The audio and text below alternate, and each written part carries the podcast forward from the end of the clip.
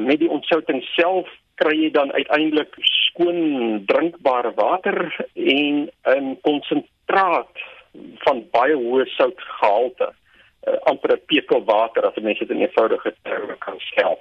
Met seewater bereik 'n mens in die orde van so 40-50% effektiwiteit. So as jy 'n megaliter eh, water uit die see uit onttrek en deur die ontsoutingsaanleg plaas, dan gaan die helfte daarvan gaan 'n hoë konsentrasie onbruikbare water wees en jy gaan net die helfte kan gebruik as drinkbare water.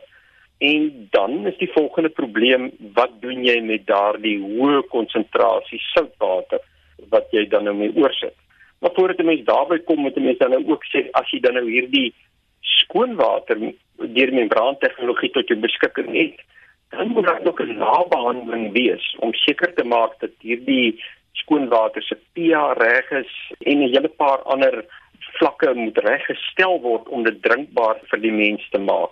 So jy het 'n voorbehandeling, 'n ontsouting en 'n nabehandeling en al hierdie goed moet as 'n eenheid bestuur word wanneer 'n mens dink aan ontsouting. So eerstens, wat maak jy met hierdie hoë konsentraat soutwater? Tipies met seewater ontsouting moet dit teruggaan na die see. Nou daar's twee tipes byprodukte waarvan ontslaag geraak moet word. Die een is die hoë konsentraat sout, maar in die proses om die membrane skoon te hou, word daar van tot tyd tot tyd vereis dat die membrane moet chemikalieë teruggewas word.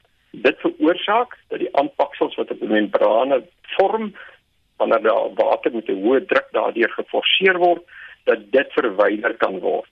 Hierdie byproduk is heelwat gevaarliker as net die hoë konsentrasie van sout wat ontslaaf van geraak moet word. En 'n mens moet regtig baie mooi daarna kyk.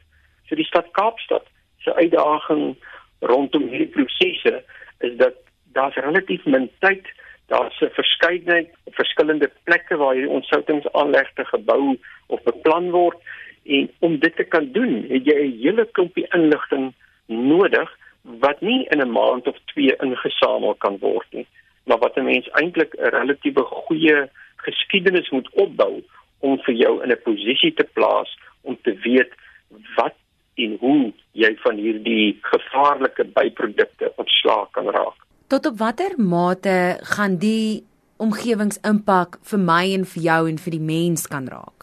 Gevaar wat dit vir die mens inhou is maar eintlik net hoe mense die byprodukte of afvalprodukte bestuur. Dat uit 'n omgewingsoogpunt uit as gevolg van die hoë druk het jy hoë kragverbruik en die hoë kragverbruik as jy globaal daarna kyk, kom van steenkoolkragsentrale of van kernkrag en hierdie goed het alles by produkte en moet uh, in totaliteit in die agterkop gehou word wat is die impak daarvan op die mens. Geraas is 'n ander aspek wat uh, baie aandag behoort te kan kry. Hierdie pompe werk onder baie hoë druk en as gevolg daarvan is daar 'n hele klompie geraas wat gegenereer word. So die aanlegte sal so ontwerp moet word dat dit nie skadelik vir die mens is nie en dit word algemeen gedoen. Wat kan die omgewingsimpak wees vir byvoorbeeld marine lewe? Die groter impak is natuurlik op die ekologie en waarskynlik die marine omgewing want gewoonlik word daar van die hoë soutkonsentraat water ontslaag geraak deur terug te neem na die see toe. Jy sal nou onthou dat ons gesê daar's twee strome afvalprodukte. Die een het 'n chemiese komponent en die ander een het 'n hoë soutdigtheid. Nou wat die hoë soutkonsentraat aanbetref, is dit belangrik dat hierdie konsentraat ver genoeg in die marine omgewing geneem kan word sodat dit versprei kan word en daar verskillende tegnieke wat gebruik word.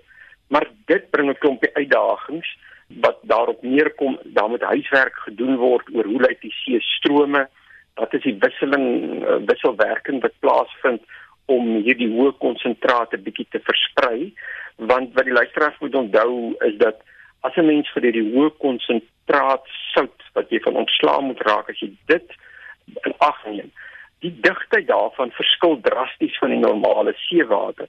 As jy niks daarmee doen nie en jy gaan damp as ek nou daai term kan gebruik, los dit sommer net in die see. En daar's nie voldoende wisselwerking in see strome en verspreidingstegnieke om dit 'n bietjie te versprei nie. Dan gaan lê hierdie hoë konsentraat sout eintlik as 'n hoop wat moeilik beweeg en moeilik afbreek in die see omgewing en dit is baie baie skadelik vir die marine omgewing. Die chemiese afvalproduk moet as 'n chemiese en 'n gevaarlike afvalproduk apart hanteer word.